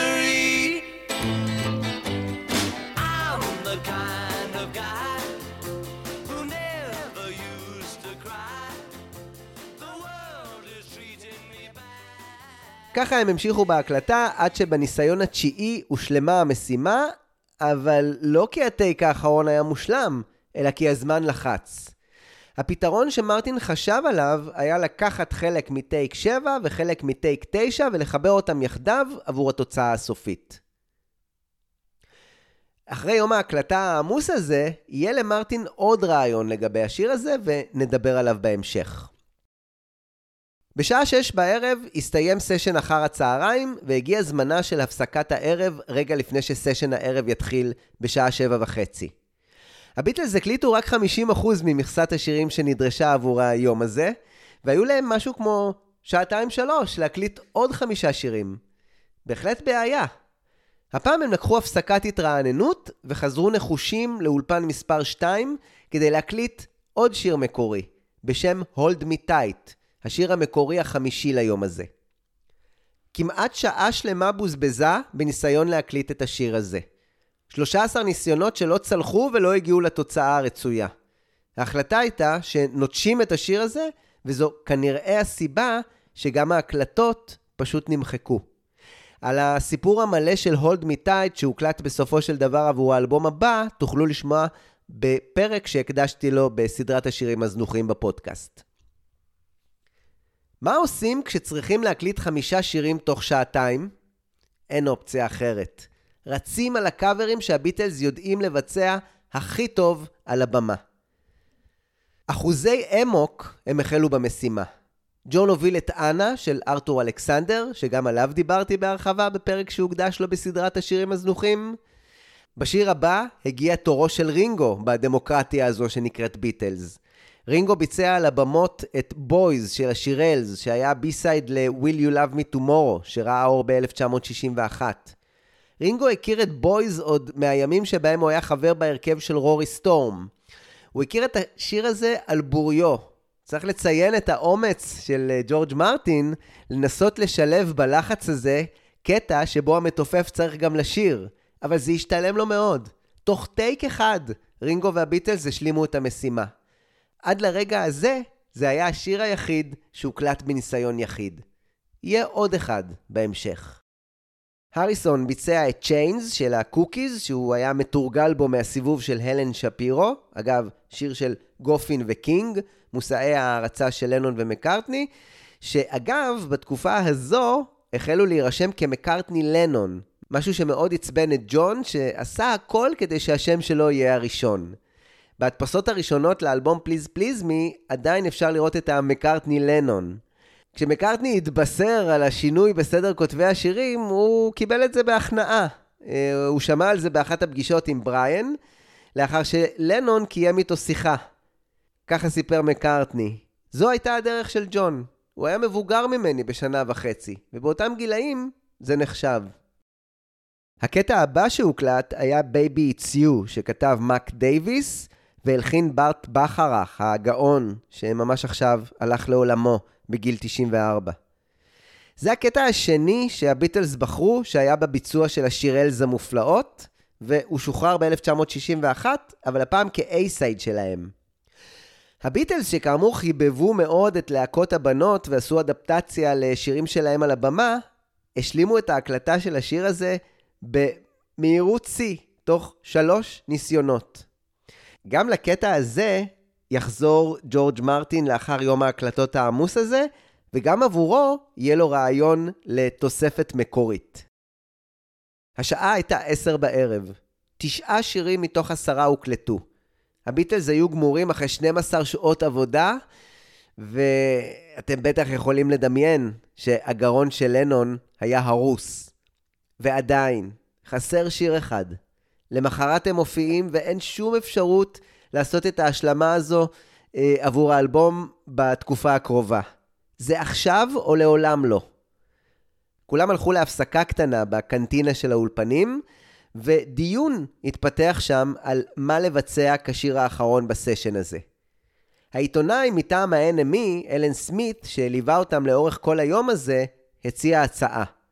אני חושב ששמעתי אתכם מבצעים את לבמבה ברדיו לפני כמה שבועות, הוא אמר. מקארטני הסתכל עליו ולא הבין על מה הוא מדבר. אה, אתה מתכוון אולי ל Twist and Shout. כן, בדיוק, השיר הזה. ההצעה התקבלה מיד, כי זה היה אחד השירים שהביטלס ביצעו בהופעות, ותמיד הרים את המקום.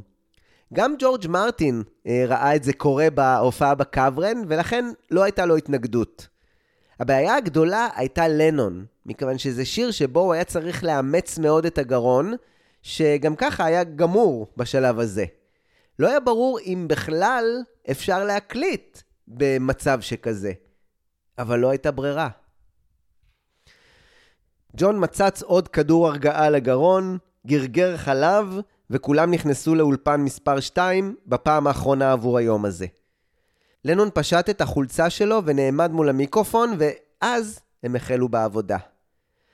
לא יכולתי לשיר את הדבר הארור הזה, רק צרחתי. השיר הזה כמעט הרג אותי. ככה אה, סיפר ג'ון על הביצוע הלא פחות ממדהים הזה שלו ושל הביטלס. ביצוע של פעם בחיים, שנקלט על סרטי ההקלטה בניסיון הראשון, ושוחרר לאלבום איכשהו, ללא שום עריכה וללא שום תוספות. הביטלס הרימו את אולפן ההקלטות, ולנון פשוט התאבד עליו. Come on and twist a little closer now. Twist a little closer. And let me know that you're mine. Know you're mine. Well, shake it, shake it, shake it, baby now. Shake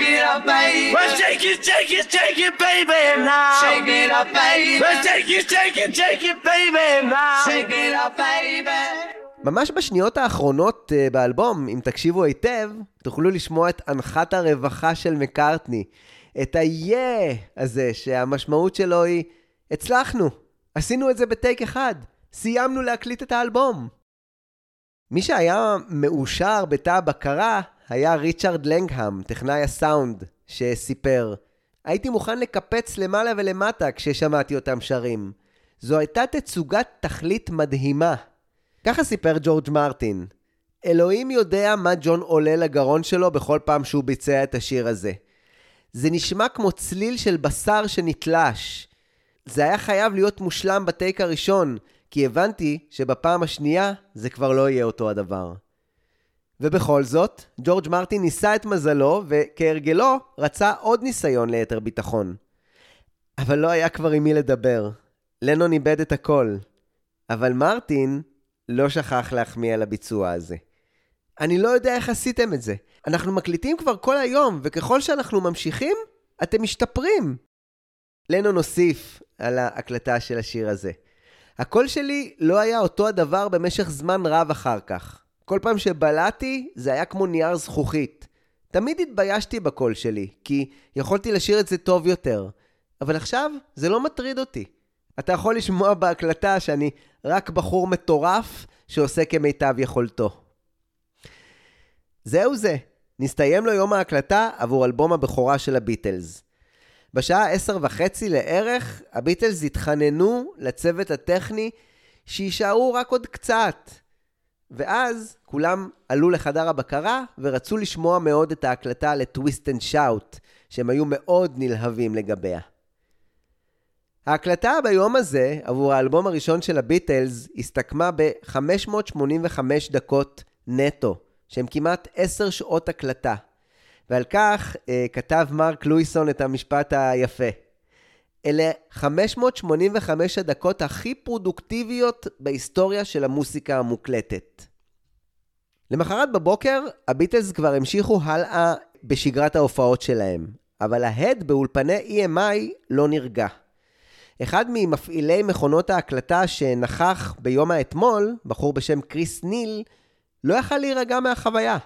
הוא סיפר לכולם על ההקלטה של Twist and Shout ועל הקול הפנומנלי שג'ון הפיק, ויחד עם נורמן סמית הם הסתובבו באולפן והשמיעו את ההקלטה לאנשים שונים, ושאלו אותם לדעתם.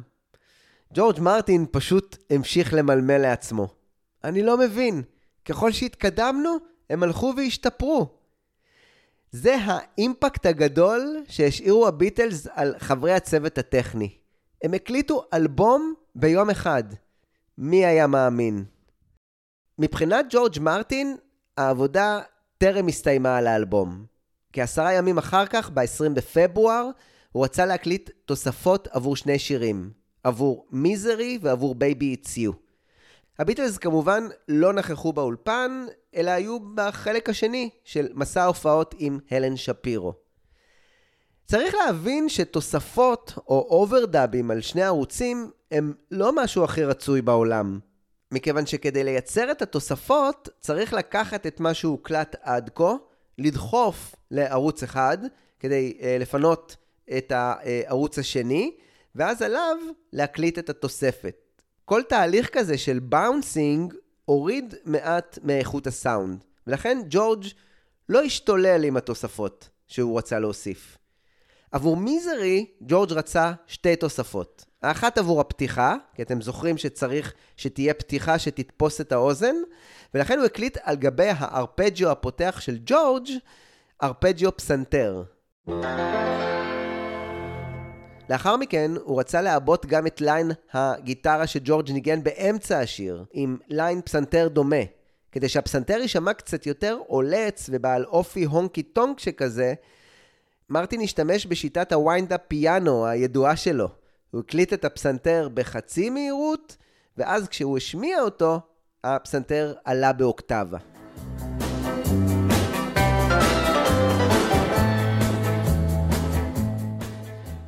עבור Baby It's You היה לג'ורג' רעיון דומה, אבל שונה. על גבי הסולו של הריסון הוא הקליט את הצ'לסטה, מעין פסנתר, שמשמיע קול פעמוני, עם מנגנון שמאוד דומה לקסילופון, שמופעל על ידי הקלידים.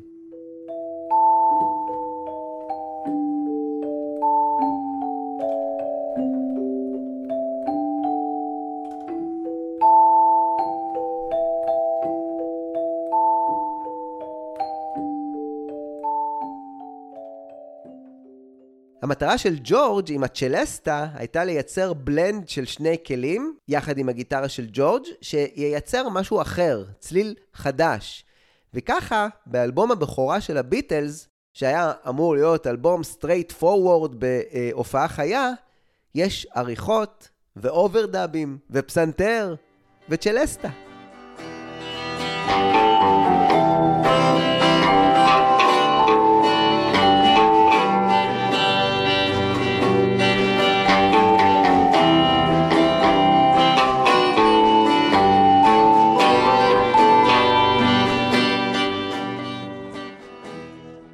ב-25 בפברואר, שהיה יום הולדתו ה-20 של אה, ג'ורג' הריסון, ג'ורג' מרטין, או ביג ג'ורג', והצוות הטכני שלו עמלו על מקסי המונו והסטריאו.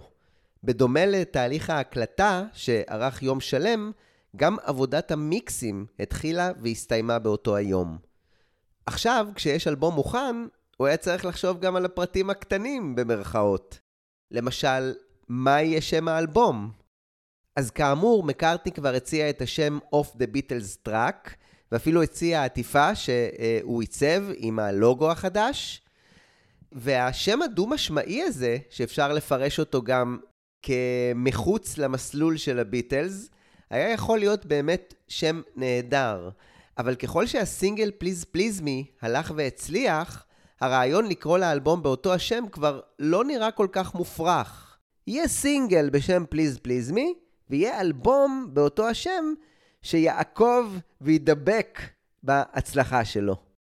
כשג'ורג' מרטין הוציא את האלבום שלו ב-1964 עם האורקסטרה, הוא קרא לזה Off the Beatle Track, ביטל ביחיד, כשלדעתי הכוונה היא שהוא הביטל החמישי, והאלבום הזה היה מעין רצון שיכירו בכך. אלה שירים של הביטלס, אבל בעיבודים שלו. ומה עם הביטלס ללא העיבודים של ג'ורג' מרטין? לג'ורג' מרטין היה רעיון אחר עבור העטיפה. הוא היה חבר באגודה הזואולוגית של לונדון וביקר באופן קבוע בגן החיות עם הילדים. הרעיון הראשוני שלו היה שהביטלס אה, יצטלמו מחוץ לבית החרקים.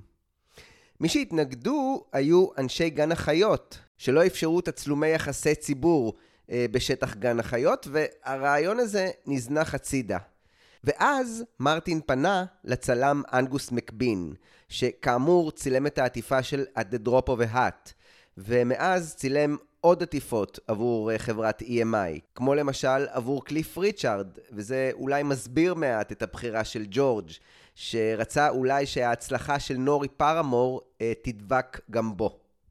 באוקטובר 1961, מקבין צילם את המוסיקאי ג'ושוע אלכסנדר, או ג'ו לוס, בשם הבמה שלו. הוא צילם אותו על המדרגות הלולייניות במשרדי EMI בכיכר מנצ'סטר. התמונה נעשתה עבור הלייבל HMV של EMI, שם אה, ג'ו לוס היה חתום, ולא ברור בדיוק מה הייתה המטרה, אה, אבל הרעיון הזה, או האפשרות לצלם אומנים על אה, מעקה המדרגות הארוך של EMI, איכשהו נשתמרו במוחו של אנגוס מקבין. נהוג לחשוב שצילום עטיפת האלבום של הביטלס הייתה הפעם הראשונה בה פגש מקבין את הביטלס. אבל כבר ב-21 בינואר הוא צילם אותם בסשן תמונות נהדר אה, בתוך בניין המשרדים של EMI. מטרת הצילום לא ממש ידועה, אבל אני מניח שבריאן רצה צילומים עדכניים של הלהקה שלו, ומקבין, שצילם עבור EMI לא מעט, שמח לצלם את החתומים הטריים יחסית בחברה. בחמישה במרץ, כמו ההקלטה של האלבום, גם צילום העטיפה נעשה בחופזה. אנגוס הגיע לבניין EMI וצילם את הביטלס גם בכניסה לבניין וגם כשהם נשענים על המעקה של המדרגות הלולייניות. כשאנגוס צילם אותם מלמטה, עם עדשת הפורטרטים הרגילה שלו. מה שדרש ממנו לשכב על הרצפה על הגב ולצלם אותם בזווית הזו. הוא צילם אה, כמה שוטים, ובזה הסתיים סשן הצילומים עבור עטיפת אלבום הבכורה של הביטלס. ב-22 במרץ, באותה הבהילות בה הוקלט, מוקסס וצולם, האלבום ראה אור בגרסת המונו שלו בבריטניה, וחודשיים אחר כך הזדחלה לה גם גרסת הסטריאו, שאגב, נחשבת היום לנדירה ויקרה יותר מאשר גרסת המונו. אה, שניהם אגב יצאו עם הלייבל המוזהב של פרלופון, שהוחלף אחר כך ללייבל השחור צהוב, מה שעושה את הגרסאות האלה לעוד יותר נדירות. הפקת האלבום הזה הסתכמה בכ-400 פאונד עבור EMI, מה שבסופו של דבר תהיה אחת ההשקעות המניבות ביותר שלהם, למרות שזה קרה באיטיות יחסית. אבל צריך לומר שקשה להשוות בתקופה ההיא בין סינגלים, שהיו משהו מאוד נפוץ ומכיר הרבה יותר אצל בני הנוער, לבין אלבומים שלמים שנחשבו עבור מבוגרים יותר.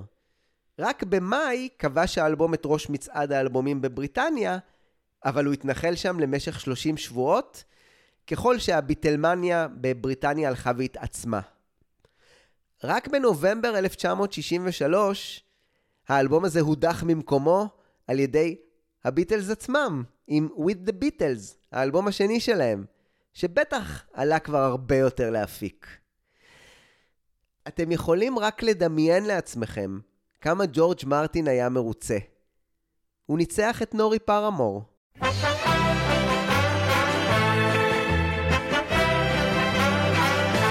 את הפרק הזה נסיים עם עוד קטע מתוך האלבום של ג'ורג' מרטין והאורקסטרה שלו, From Me to You, שיהיה בעצם הסינגל הבא שהביטלס יקליטו אה, כבר באותו יום בה צולמה עטיפת האלבום, בחמישה במרץ 1963, והוא יראה אור בתחילת אפריל, כשהאלבום שהם הקליטו ביום אחד יהיה כבר היסטוריה ישנה וחדשות ישנות עבורם. ויהיה כבר בתהליכי ייצור עבור היציאה שלו ב-22 במרץ. הקצב והמהירות שבהם הם היו כבר באולפן עבור הדבר הבא, הם לא פחות ממדהימים. אבל ג'ורג' מרטין ידע היטב שרק ככה הוא יצליח להזניק עוד את ההצלחה של ההרכב האיזוטרי שלו מליברפול.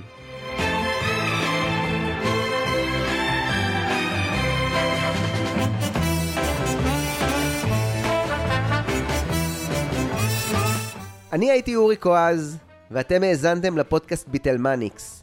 תודה רבה מקרב לב שהייתם איתי לאורך הפרק הארוך הזה, שציין 60 שנות אלבום בכורה לביטלס. בפרק הבא בביטלמניקס, שיבוא עלינו לטובה, אני אמשיך את מיני הסדרה מריבולבר לפפר, ונראה מה קורה עם הביטלס אחרי צאת האלבום ריבולבר. רק שלא יפסיקו להופיע או משהו כזה. כרגיל, אני אשמח מאוד לקרוא את דעתכם על הפרק הזה, אשמח מאוד אם תדרגו את הפודקאסט בספוטיפיי ובאתר פודקאסטים, ובכל מקום שבא לכם, כדי שהפודקאסט הזה ימשיך להיות מופץ לעוד ועוד חובבי ביטלס.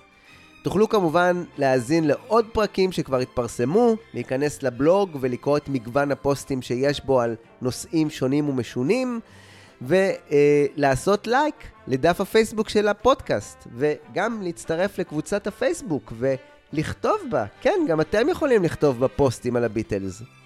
אתם מוזמנים להצטרף גם ל mailing list בבלוג ולקבל למייל עדכונים בכל מה שקשור לביטלמניקס. תודה ענקית לכם על ההאזנה. ביי ביי.